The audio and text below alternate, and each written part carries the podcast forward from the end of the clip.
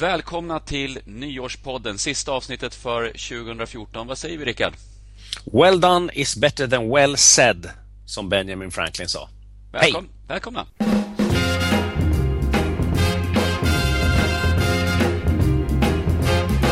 You know I don't mind working and standing on my feet Cause I've got nine children and they sure got to eat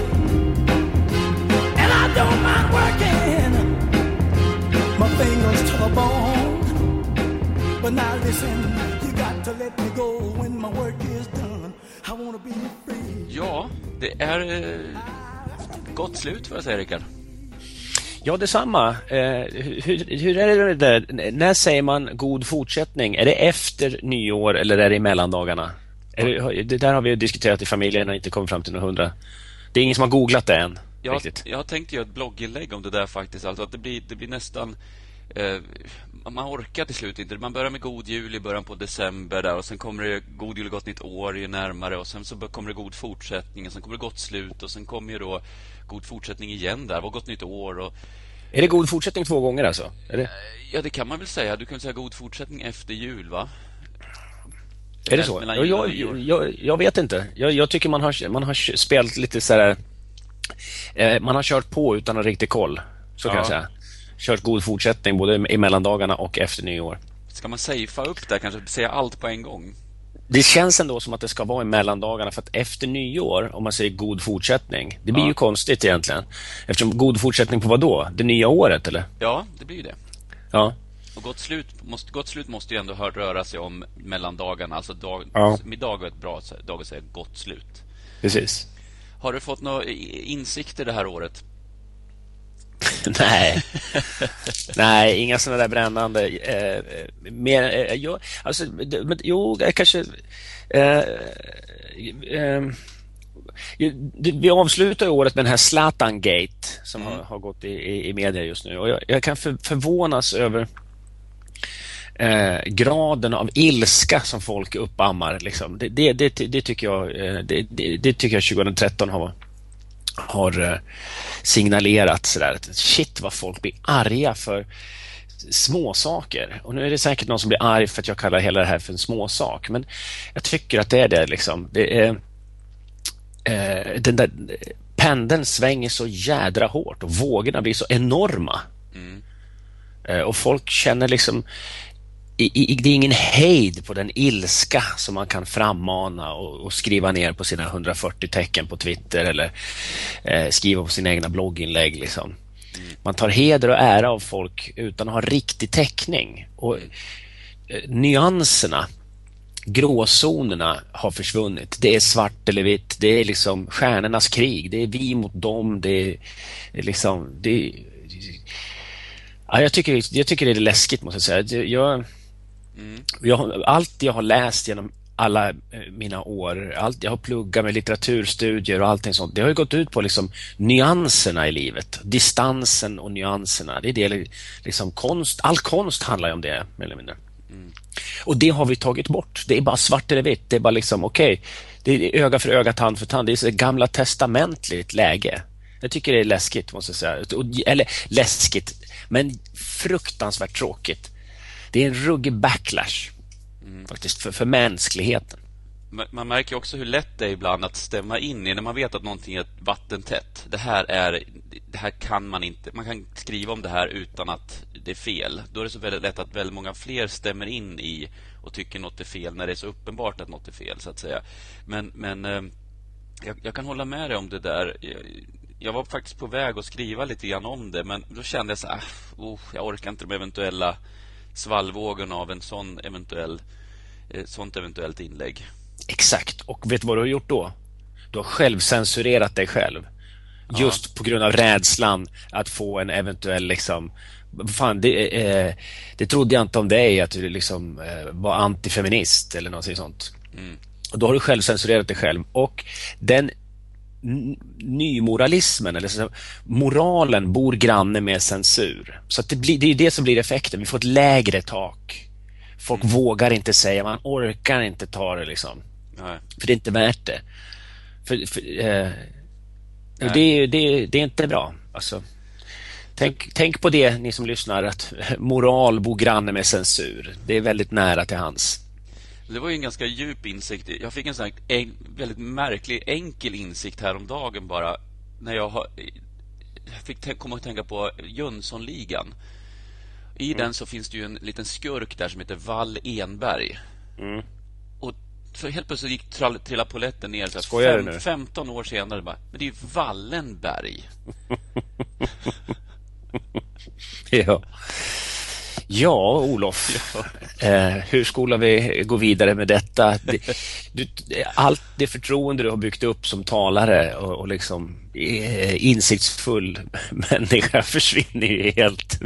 Du menar att det här är inget material man tar upp på scenen? Nej, jo då, det är klart du kan göra det. Ja, men det är rätt kul. Det handlar om distans. Ja, verkligen. Och, eh, och så, jag har ju så träffat... Ja, det är, ja, det är helt otroligt. Wall Enberg, mm. just det. Eh, och jag har sagt Wall Enberg också Visst. väldigt mycket. Jag tyckte om namnet, så men jag undrar varför heter han Wall? Liksom. Men i alla fall. Eh, det är som när jag var liten och eh, ja. Eh, så, Hej Baberiba mamma, vad betyder det? Jag vet inte, men jag, jag tror det är engelska. Så. ja. det, eh, vad betyder Hej Baberiba? Men det, mm. det, är en bra fråga faktiskt. Men jag, när vi var små, kommer du ihåg det här eh, Alias Smith Jones? Nej. Cowboy, du kanske är för ung för det. Ja. Det, var, det var ett cowboyprogram på, på, liksom gick vid sju tiden ungefär. Så precis innan man skulle gå och lägga sig så kom Alias Smith Jones. De var så jädra coola, två cowboys. Som red runt. Jag tror att de var eh, eh, vad heter det, kriminella cowboys som heter eh, outlaws eller vad heter det på svenska? Ja, strunt samma. Men, men eh, Kid Curry och Hannibal Hayes heter de i alla fall. Men de kallar sig för Alias Smith Jones när de skrev in sig på hotell och sådär. Ja. Det var bara det att eh, när vi var ute på gården då var jag alias och min kompis var Smith Jones. ja. Så vi hade missat själva uppdelningen. det är jättebra. Jag vet när jag gick på gymnasiet hade en kompis som alltid somnade. Eh, han, var tvungen att ha tvn på när han skulle sova. Han var uppe med en riktig nattsuddare. Så mm. han, han somnade alltid till kojak. Och, ja, just det. Eh, och det där hade jag inte heller liksom jag såg aldrig det här programmet. Så för mig hette kojakt. Jag trodde det handlade att en, en ko var inblandad på något vis. Ja, ja, kojakt. Liksom, ja, ja någonting sådär. Att det har någonting med en ko att göra i alla fall. Men det hade det ju inte. Han var ju cool. Telly Savalas. Hade, hade inte han en ganska cool hund sen, fick jag se också? Jag vet han, jag kommer ihåg han käkade klubbor i alla fall. Han gillar klubbor. Ja, ja, just det. Precis. Det var coola deckare på den tiden. Baretta var också en sån här skitcool deckare som man tyckte var, var tuff med sin kakadua. Ja. Han var ju stenhård. Och så sen eh, McLeod, den ridande detektiven som red på gatorna i, i, i New York. Han var också frän med en sån här porrfilmsmustasch. Och så Columbo ja. som var lite förvirrad i, i långrock. Titta du, vet du, vad, vet du vad de gör nu här nere för mig nu? nu? Nu är det en kille som är ute och paddlar kajak och jag hade också tänkt att paddla kajak idag, ta en nyårspaddling innan på det nya året faktiskt, innan det nya året börjar. Det är så fantastiskt eh, att man kan vara ute på sjön så här innan nyår. Ja. Ja, enorma naturupplevelser. Men man vill ju att, man vill att 20, eller jag vill att 2014 att det ska hända saker. Men samtidigt är det ganska roligt när vissa saker är samma. Jag märkte mm. till exempel nu när jag träffade eh, familjen nu uppe i, när vi var i Sollefteå här över jul. Pappa har i många år haft väldigt svårt för att minnas vissa ord. Alltså de mest enkla saker. Det här har varit sen, ja, så länge jag kan minnas. Så säger mm. han ju eh, Jan, Stefan, Olof. Alltså fel namn mm. på bröderna hela tiden. Mm. Och uh, utan att försöka vara rolig på något vis. Han sa också att, vad heter Olofs bok nu? Pappskalle. Nej, inte papp. Mm. Vinnarskalle. Det är en rätt stor skillnad på de två titlarna. Men han blandade ihop din app med vinnarskalle. Ja, kan, ja, just det. Det var så kanske han gjorde, ja. Precis. Men ja. så satt han nu i jul... tänker att Olof har gjort en app och en bok ja. med pappskalle. ja, just det. Precis. Men så sitter han, då, sitter han då och ska berätta någonting och så säger han till mamma så här. Eh, vad heter det där man får i mejlen? Uh, mail. Ja, just det. Mm. Mail. Det är då man känner så att... Och det roliga är att pappa har noll mail i inkorgen. Det kanske jag har sagt i något tidigare avsnitt, men han är faktiskt eh, rätt intressant. Alltså, han tar, tar bort alla mail. Så fort det är någonting som man tar bort med det och så har han noll mail. Ja, det är bra. Ja, men det är städat och fint hemma ja. hos Rolanders. Ja, så han, han börjar året med liksom ett blankt papper. Och Det är väl en härlig tanke egentligen, att kunna börja om. Det är därför jag älskar nyårsafton så mycket. För att det är en möjlighet att, att lämna det gamla bakom sig, det som man eh, inte vill behålla och sen kunna göra något nytt. Eh, Men är det inte så här, Olof, att Ja, det är en möjlighet att göra det och vi alla tror där på nyårsafton att vi ska göra det. Nu jädrar tar vi tag i det här nu. Så här. Hur många gör det egentligen? Det går en, två dagar, sen så slipper man in i gamla vanor igen. Ja, men jag har det... botemedlet mot det. Men innan jag, ja. innan jag berättar om det botemedlet så ska jag bara berätta om när, när jag och Anna var i, i Japan. Mm. Eh, då besökte vi ett, ett litet sånt här tempel där uppe på någon liten bergsknalle. Och eh, utanför där så fanns det som en, som, som, en tvättlina kan man säga. En massa sån tvättlinor och på de här tvättlinorna så hängde det lappar. Eh, såna här fortune cookies-lappar ungefär. Mm. Och då frågade min kompis då som bodde där och Fredrik, vad, vad, är det här för någonting? Jo, det funkar som så att innan du går in i, i, i eh, här, eller när du går in där, du tar av dig skorna och allt det här vad, vad du vill. Och sen inne i det här templet så finns det någon form av skål där man tar upp någon, en lapp. Och i den så spås din framtid. Och, ja, det är en eh, fortune cookie nästan. Ja, fast det fanns alltså typ fem nivåer av det. Så det var inte bara positivt som det man... Utan det, det kunde bli liksom... Kan gå rätt illa för dig nästa år. Det kan kunna gå rätt mm. bra. Så fem nivåer av liksom... Fem är ju... Då kommer du kanon och ett var rätt kass va. Och eh, jaha, så jag, det var ju intressant. Tror de på det här då? Ja, det, en del tror faktiskt på det där. Men vad är den där tvättlinan där ute för då? Jo, sa han, om du får en, en spådom som du inte gillar och inte trivs med då kan du hänga upp den där spådomen på den där tvättlinan och då eh, gäller den inte längre. Då, då lämnar du kvar hela den, eh, det, mm. det ödet. Mm. Så du kan alltså välja om du vill behålla lappen eller inte. Så i, mitt i slumpen så finns det också en valmöjlighet. Ja, ja det är ja. Ja, det är inte lite grann som han, målvakten i Grunden Boys som du brukar prata om? Ja, jo, det finns en liknelse där. Men jag tycker om man blundar och tänker att det där har inte hänt, då har det inte hänt. Nej, men jag, tycker, jag tycker det var koppling till nyårsafton så skulle man kunna säga att visst, det finns någon form av slump och eh, liksom oförutsägbarhet i, i 2014, självklart. Och för rätt så många så kommer kanske året se ungefär ut som 2013 och för en del kommer massa saker att hända och en del är eh, självförvållat och en del bara händer. Men det finns också ett visst mått av, av intressanta valmöjligheter också. Och en sån är ju just det där när man plockar upp någonting och sen ska jag behålla det här eller ska jag lämna kvar det 2013 och säga att 2014 då, då har vi noll mejl i inkorgen. Mm. Men det är sånt du kan påverka själv. Ska jag börja träna? Ska jag hålla i det här eller inte? Mm. Det är samma sak. Mm. Ska jag sluta dricka? Ska jag sluta röka? Ska jag sluta med liksom, vad det nu handlar om? Ja. Jag ska ju vara med i ett bra... I, i, lagom till årsskiften så brukar jag få vara med på en del sådana här saker. Så jag ska vara med i Radio Stockholm nu 2 januari och Nyhetsmorgon 3 januari. Och prata just om det här liksom, ja vad gör man nu då, nytt år? Hur kan man få saker att hända och så vidare? Ska man verkligen sätta upp någon nyårsluft, men man håller dem ju ändå inte och så där. Och, och jag tycker liksom att eh, beslut sker ju som en process över tid ofta. Så det, det kan ju vara så att om första gången man formulerar någonting kanske är på nyårsafton och då är det inte säkert att det, den formuleringen håller ett helt år eller ett helt liv eller någonting. Det vore ju nästan märkligt om det var så enkelt. Utan det kan ju vara så att den startar en resa som sen då likt du vet en slang kan dit och en slang kan dit och en slang kan ner i Rickard? Di diket. Just det. Men mm. det är fortfarande en, en, bra att du är med där. Ja. Men att det är fortfarande en resa som är påbörjad mot ett håll men man slinker ner i diket av och till. Just det, men är det inte så att man tar nyårslöften nästan varje måndag? Eller varje fredag eller varje lördag? Ja. Du tar små, du tar små nyårslöften varenda vecka. Mm. Så att det där nyårslöftet som du säger att eh, man inte har formulerat tidigare, kanske lite ojämnt, det har du gjort under hela hösten. Annars, är, man går ju inte, man går inte som en vandrande tom plastpåse, eh, utan man, man tar ju sina, ja men nu ska jag fanken ta tag i det, nej fan det gick åt helvete den här måndagen också. Ja men den här veckan ska jag träna, nu ska jag ut och springa, nej det gick åt helvete.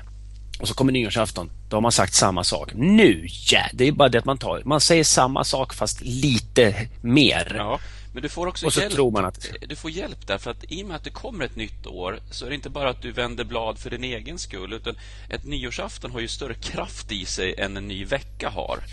Okej, okay, Olof, så här då. Har, vad har, du, har du tagit något nyårslöfte som har varit eh, stort i ditt liv som du har följt sedan dess? som, som där nyår verkligen har spelat roll? Vi kan ta, så du har vänt blad på riktigt? Vi kan ta förra nyårsafton. Då satt jag och Anna på ett helt fantastiskt ställe där Scott och Zelda Fitzgerald faktiskt bodde. Vi pratar mm. alltså om eh, i, på, ja, nära Cannes då, i Frankrike. Vi tittade ut över Medelhavet och såg de här gröna eh, fyren, du vet, som eh, han beskriver så bra i Great Gatsby. Och det, där sitter jag då och funderar. Medelhavet? Ja, Medelhavet. Sa jag det? Sa jag inte det? Ja. ja. Jo. Och eh, så där sitter vi då och där sitter jag också och formulerar tre tankegångar för 2013. Och en av de tankegångarna var att nu, nu får jag göra någonting mer konkret för en bättre värld. Alltså, någonting måste hända där som jag själv får försöka skapa. Och varför har jag inte gjort det tidigare under året? Då? Jag hade ju lika bra kunnat gjort det där i november eller december eller så. Men nyårsafton skapade en... Eh, och Det kanske beror på att jag lägger sån angelägenhetsgrad i att gå in i ett nytt år men också ha nya projekt på gång. Alltså att ha fler eh, S i rockärmen, fler saker som händer. Det är liksom en existentiell fråga för mig. Och Då sa jag att jag skulle göra en bättre värld. Jag ska berätta tre av saker nu.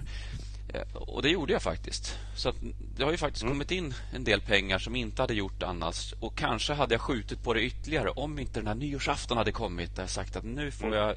Så jag fick energi av den. Det var det ena. Så det, det, man, ibland kan man ta större beslut som ett sån grej faktiskt är. Då. Men sen tog jag också ett litet beslut, till exempel att jag skulle börja prenumerera på DN igen. Och det är ju bara, mm. det är bara ett mejl bort eller ett telefonsamtal så är det fixat. Det var ju mm. inget svårt beslut eller men, men fortfarande prenumererar vi på DN och fortfarande läser vi den. Så det är också ett nyårslöfte som faktiskt har hållits, även om det var extremt lätt sådant. Mm. Och, och, nummer, ja, jag, vänta, och, och, och, nummer tre var ju att jag skulle också ordna de här middagarna som heter Det goda samtalet. Och Det mm. blir ju nu en podcast efter årsskiftet. Så det har också faktiskt hållits. Nu säger jag inte det här för att slå mig för bröstet, men det visar ändå, tycker jag, på att det går. Ja, det är klart det går. Och jag tror inte heller... Men jag kanske är mer eh, sådär jag, jag, tror inte du är representativ i, i den bemärkelsen, för du är en otrolig doer. I, i, och det, det, hela din, hela det, allt det du pratar om, allt det du skriver om bygger ju på det. Ja. Att du ska genomföra de här projekten. Och du gör det. Och det, det är ju liksom, det är din verksamhet också. Fast jag genomför långt Tro, ifrån allt, allt jag gör. Man samlar ju på sig, man mm. har massa idéer och mycket mm. av det här hamnar ju liksom i ingenstans, måste jag ju säga också. Mm. Men jag tror, om jag får... Eh, eh, jag tror själv att... Eller jag, jag, jag vet själv. Många skulle nog säga att jag en, eh, att oj vad mycket man har att göra och, och stå i och sådär. Men, men, just när det gäller de här eh, nyårslöftena så känner jag så här, ja, jag, jag, har, jag har tagit samma nyårslöfte att i, i år ska jag vara mer vältränad än någonsin. Mm. Eh, det nyårslöftet har tagit de, de tre senaste åren. Det har, liksom, det har spruckit som ett byxarsle redan i, i mitten på januari. Liksom. Eh, så det, det, ja, och sen så, och jag tar de här, hela den här hösten har jag tagit ett, ett, ett måndagslöfte att den här veckan ska jag börja träna. Det har inte blivit av. Jag har skjutit upp det. Jag har kommit in i en, liksom, en cirkel där det är mycket lättare att skjuta upp än att, att göra. Mm. Så att man, jag tror att man tar de där löftena till sig själv. Man tar dem på allvar i stunden.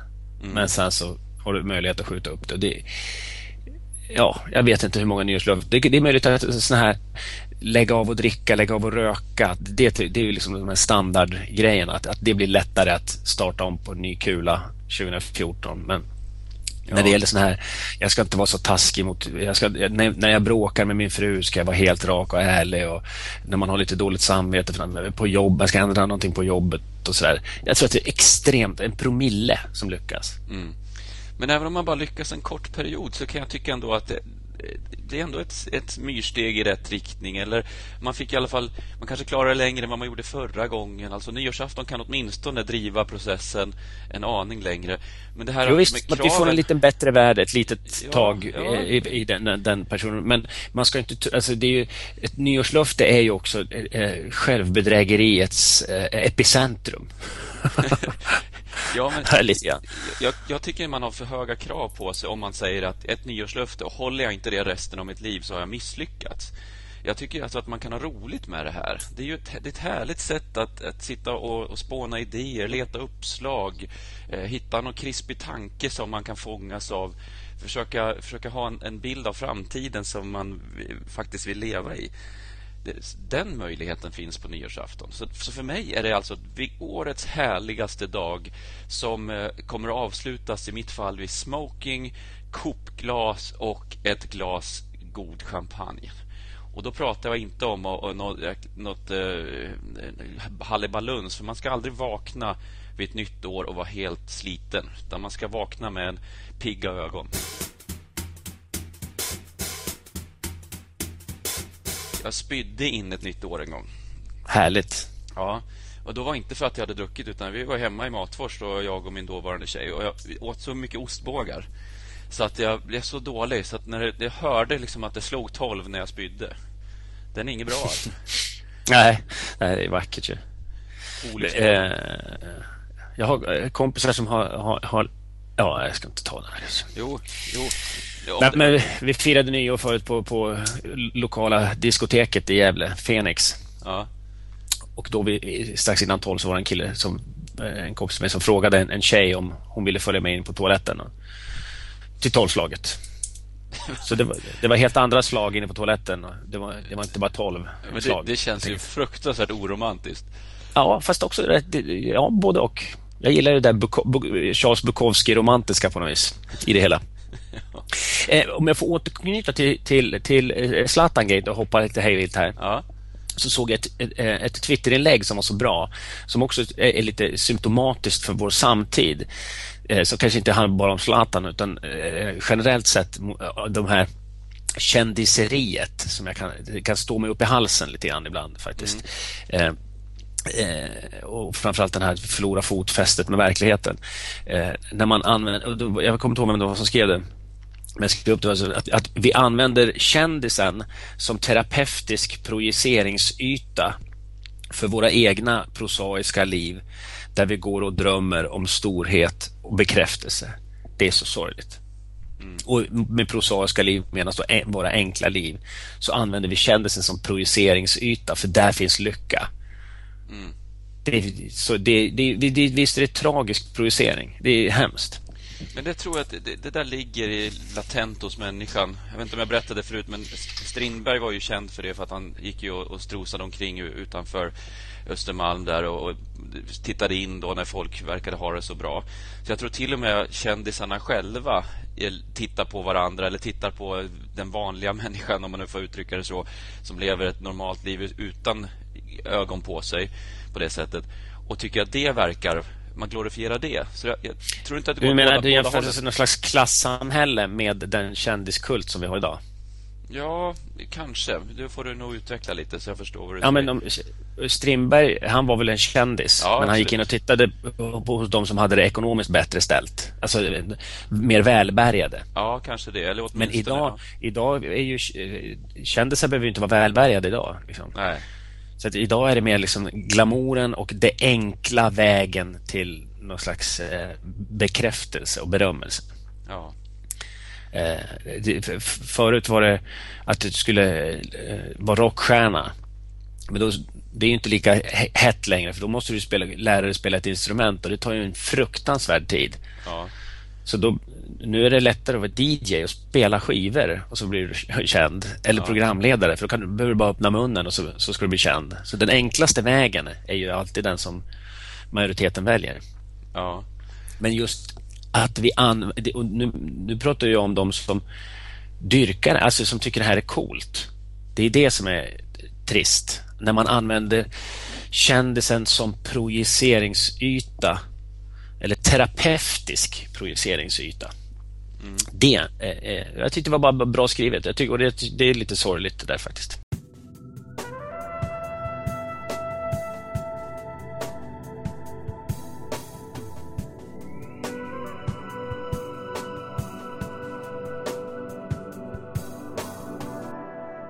Jag vet inte om jag berättat det i podden, men vid ett tillfälle blev jag ju stoppad av polisen och eh, skulle veva ner rutan och så hade jag lånat pappas bil. Eh, och eh, det är elhiss där då. Så att när jag, ska dra ner rutan så trycker jag på fel knapp så bakrutan åker ner. Och mm. då, då, är ju, så polisen, jag får blåsa och allting du vet för att han tyckte det var så himla nervöst liksom. Så han går, ner, han går in i bakrutan och bara, du, framrutan för tusan liksom. Ja, ja, absolut. Och då drog du upp den så att han ströp sig. och så körde jag. Ja. Men så är det Ursäkta, så det var det ena tillfället. Det andra hände faktiskt bara häromdagen. Eh, Anna och jag skulle checka in på ett hotell och sen så eh, skulle jag bara, ah, jag, måste, jag ska bara slänga in eh, parkeringsbiljett eh, också i bilen. Och så öppnar jag bilen och slänger in parkeringsbiljetten och så ser jag i, bak, i baksätet bara att det ligger en väska kvar. En handväska.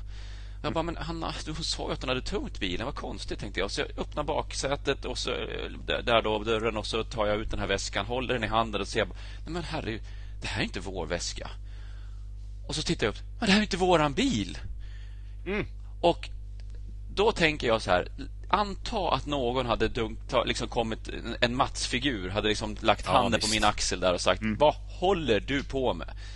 Jag trodde att det var våran bil. Jag trodde, det, var vår, jag trodde det var våran bil. Ja, men varför håller du då i väskan? Du vet, det fanns så mycket där som var mm. svårförklarat. Men som tur var så ser ju ingen det här så jag slänger in väskan igen, stänger dörren, tar ut biljetten och går in i bilen bredvid som också var svart. Det var ju mörkt ute. Men mm. tänk dig. Och jag kan säga att det var inte så kaxig. Alltså. De hade glömt att stänga, stänga bilen helt enkelt. Ja, de hade inte låst bilen. Otroligt. Ja. Så att eh, man har ju varit med om några sådana här saker. Och när jag berättade det här för Anna och när jag kom in till hotellet så berättade jag vad som hände. Vet du vad hon säger då? Men Gösta Petter. Ja. Oh. Och, och det känns... ett S för mycket där. ja, men inte bara det. Även om hon har sagt Göta Petter så tycker jag fortfarande... Det är sånt där... Eh, det, dog inte det ut, det uttrycket? Jo, och eh, räknas det överhuvudtaget som ett kraftuttryck? ja, exakt. Det, jag, jag, jag tror inte ens att det kan räknas som ett kraftuttryck. men vem säger Göta det är, det är ingen förstärkning på en situation direkt. Så här, man, om man säger åh fy fan. Det är liksom en förstärkning till det. Göta-Petter tar ju liksom must, det tar ju liksom, suger ju all kraft ur situationen. Det, det, får, det är sån här asch, asch Sture vad du är tarvlig. Ja, Ja. Nej, men alltså, jag kan tycka det är skönt ibland när återigen tillbaka till nyårsafton då, att när man får lämna vissa saker eh, likt det där templet. Och en sak som jag jag hade faktiskt svårt att sova i natt på grund av det här. Och, och jag satt och tänkte så här, ska jag berätta det här i podden? Petter? Ja, men det är på den nivån. Eh, ska jag berätta det här i podden eller ska jag låta det vara en, en hemlighet mellan mig och den personen det hände? Och nu har jag byggt upp det här så pass mycket så det är lika bra att berätta det. Men, och du kanske säger det där var väl ingen stor grej. Men igår så sitter jag på middag med en föreläsarkollega. Jag ju nämligen börja tala på engelska från och med i januari. Och han är ju engelsman så att vi pratade engelska hela kvällen. Så jag fick en eh, bra flyt i snacket igen. Liksom. Ibland kan man få lite skjuts i, i tugget och det är så mm. härligt. Men det är mycket lättare att sitta i en konversation än att hålla föredrag. Men tillbaka i alla fall så sitter vi där och till slut så säger han ingenting. Sådär. Han, han bara tittar på mig. så. Och, eh, och jag fortsätter prata och sådär. Och, och till slut säger han så här. Ah, eh, I'm, I'm sorry Olof, but you have something in your face. Och jag bara, what? Jag, liksom, jag snappade inte upp det först. You have something in your face. och så känner jag liksom på ansiktet här. Och jag har... Jag skojar inte om det är den tredje största snoret jag någonsin har haft. På, oj. Sitter på nästippen liksom. Oj, oj, oj, oj, oj. Ja. Och så är det en kråka liksom? Ja, och den är ju... Det ja. är så... Jag skojar inte om den är en centimeter lång alltså. Oj jädrar i min låda. Hur har den kommit ut? ja, det är helt obegripligt. Alltså, det här är alltså en gåta som inte ens... Den är olöslig. Jag fattar inte hur den hamnar där. Men eh, så ja. är det i alla fall. Och eh, efter det blir det ju väldigt märklig stämning. Ja. Ska man bara fortsätta? vad, vad het, lärde du dig vad snorkråka heter på engelska? Booger eller något sånt. Ja. Men han var ändå gentil och sa You got something in your face. Och, och jag, jag, kan tycka det är bland det värsta man kan råka ut för. Om man sitter på en middag eller någon, och alla vet och så kommer du in på toaletten liksom två timmar senare och så ser du bara Åh nej. Och du kanske ja. har haft något mellan tänderna eller ja, någonting sådär som är väldigt Men, uppenbart. Om man ska prata rent socialt då. Sådär, han sa till dig, eh, han sitter och tänker så här. du har en sån bugger in your face att det är helt galet. Och så säger man så här. Om han skulle säga så här. I'm sorry Olof, but you have a bugger in, in, on your nose. Då säger ju han till dig redan in, då hinner han förbereda. Jag tycker det är mycket finare om jag ska vara... Många tycker att det är mycket plumpt och sådär taskigt kanske. Säga. Eh, så, så, du har en snorkråka på näsan. Då, då hinner du mentalt bara, ha, va? Har jag? Ja, jädrar. Men när man säger så här, Olof, du har någonting i ansiktet, då blir det liksom en gåta för dig. Så här, Jaha, det, kan det vara så? så, kan det vara, så, så, så. Och så är det liksom, nej men vad fan. Det är mer generande för dig att man säger du har någonting i ansiktet än att man faktiskt berättar vad du har. Samtidigt, är du med? Samtidigt kan jag säga att i samma stund jag kände vad som fanns i ansiktet så anade jag att det kan nog inte vara något annat än det här. Det är rätt uppenbart Nej. att det är det här syftet. Men du ska också klart Man vet inte någonstans. Du ska börja känna sig. Vad har någonting i ansiktet? Vadå? I pannan? Nej, längre ner.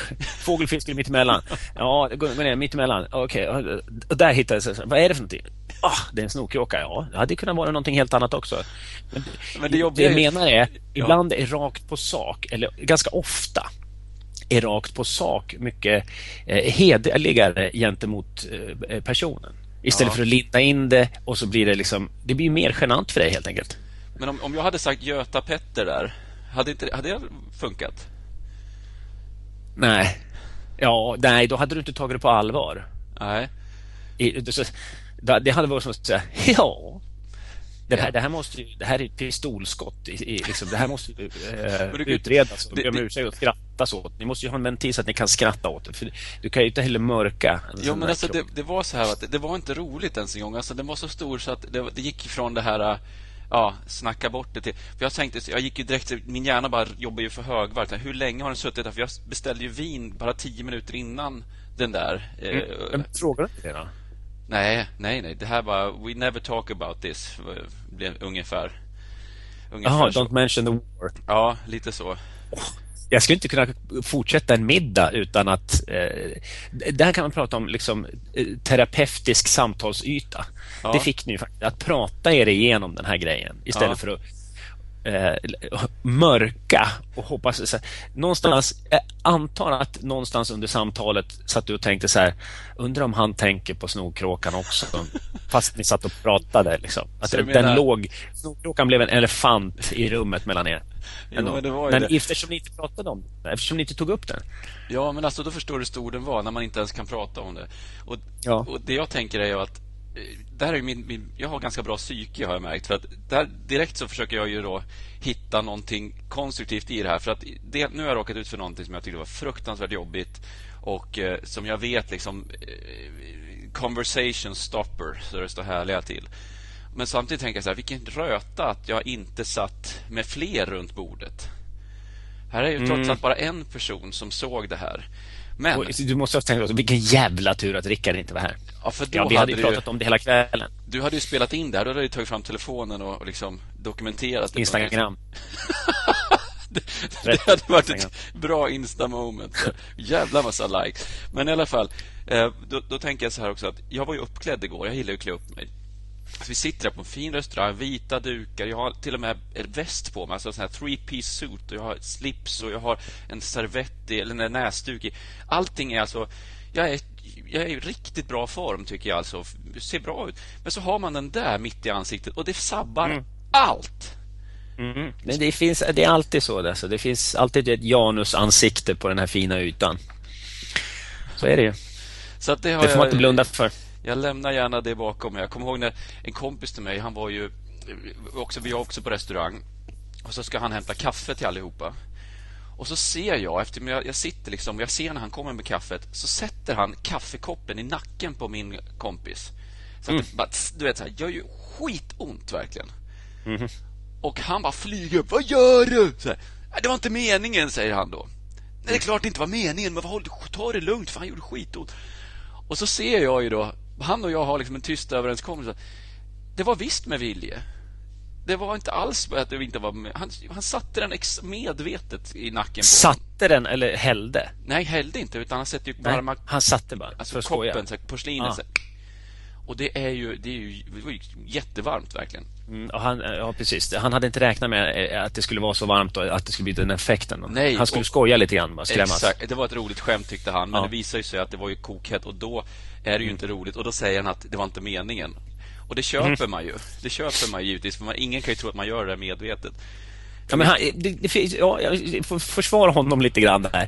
För det, det är också så här, det var inte meningen att det skulle bli fel.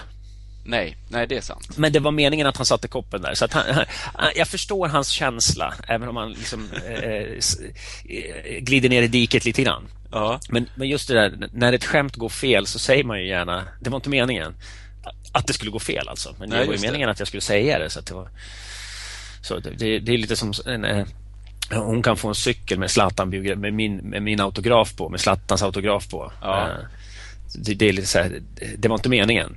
Fast det var ju meningen att han sa det. Alltså, så, men det var inte ja. meningen att det skulle bli...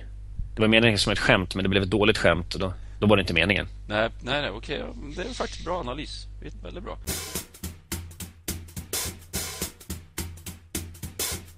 Annars, ett, känner du till det här då? Eh, en, en, en folk... Eh, folkhändelse som har gått ur tiden, som har, i princip har försvunnit, som vakter på krogarna har identifierats med, fick höra igår. Kvart i tre-raggen har försvunnit. Mm. När folk är på krogen nu för tiden, förut var det ju så här, shit, nu eh, gäller det här nu, sista liksom. Mm. Eh, och då var man tvungen att gå fram och söka upp och, och, och dansa och dansa tryckare och, och vara bra på det och sådär. Nu ställer sig alla i hörnen med sina mobiltelefoner och bara Är du ledig? Vad gör du? Och Facebookar och så går man hem till sina KK eh, var de nu befinner sig eller söker upp varandra så. Så att eh, man använder mobilen som, som, som raggare nu på kvart i tre. Så att folk, kvart i tre-raggen, eh, folk går nästan alltid ut ensamma från krogen nu för tiden. Så man har liksom friends with benefits som, som sköts via telefonen istället för live? Precis, precis. Visst är det intressant? Ja, det var rätt intressant. Alltså, under tiden där fortfarande fanns, jag hade en kompis som hade lite så dåligt ölsinne. Och eh, när det bankades kvart i tre, då var han också så här, eller fem i tre till och med. Då, då var det, då var han desperat. Mm. Och då, vid ett tillfälle så ser jag honom eh, stå och dansa med en tjej. Och eh, så viskar han någonting i hennes öra. Och hon bara stannar upp, tittar på honom och vet, lyfter honom liksom ett steg bakåt. Skakar på huvudet och bara går därifrån. Och så kommer han, ja, exakt. Och så kommer han tillbaka då. Eh, eh, dit. Och han berättade inte vad han hade sagt, men, men han sa att de är så känsliga här i Falkenberg. Mm. Det, var, det var det enda han hade. Liksom, man har ju en oerhört skön inställning när man är liksom, vid den tiden. Du har mm. inget att förlora. Så att det enda som kan hända är ju att just det där. Mm. Och inte ens det skäms man över. Nej, nej, och du, du, kan, få, du kan bli bitchlappad också, sådär säkert. Men ja, det där kan vi prata om. Kan du inte kolla på några Paradise Hotel fram till nästa podcast? Så kan ja. vi prata om det. Det är intressant i dessa genusminerade tider så går det ett program som, är så, eh, eh, som har en kvinnosyn och en manssyn som är medeltida och det går som tåget på TV3. Och det är i, i, i liksom det är helt politiskt accepterat, eller ja, accepterar, jag vet inte vad det är. Liksom. Det är ingen som nämner det i det offentliga samtalet i alla fall. Det är intressant. Ja. Eh, men apropå eh, kvart i tre så har jag eh, min, min, gamla, det här är också gamla preskriberade brott. Eh, Gävle var ju en riktig eh, herrejösses-stad. Jag berättade om han som spöade en kille med en duva ja. förra gången. Och, eh, Henken, han gjorde en legendarisk raggning när han kom ut ensam från eh, Victoria. Och så eh, kände han, ja, jag vill skeda här ikväll. Så ser han en tjej och i en småstad så känner ju de flesta igen varandra på något vis. Det var ju 80, 80 000 i Gävle då. Går han fram till henne, tar, rycker han hennes väska och så börjar han gå. Och hon bara, nej men får jag tillbaka, får jag tillbaka väskan? Nej, du får inte tillbaka väskan. Han håller den järnhårt och så bara går han hem. Och han bodde väl en 500 meter eller någonting sånt från stället. Så eh, och så när han kommer till porten, sen, ja, här har du väskan. Ska du med upp eller? Ja, ja, okej. Okay. jo.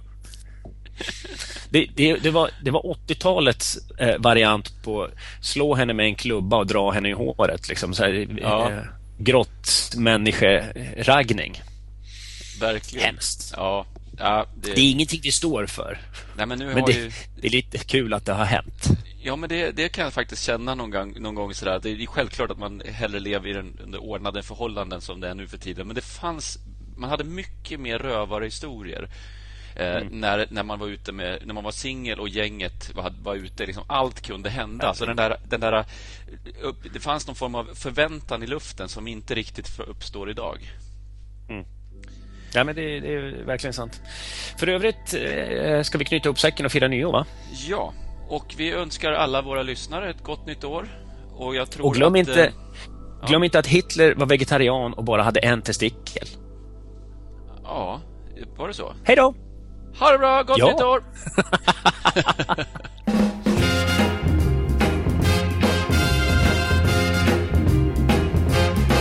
you know I don't mind working standing on my feet Cause I've got nine children and they sure got to eat And I don't mind working my fingers to the bone but now listen, you got to let me go when my work is done. I wanna be free.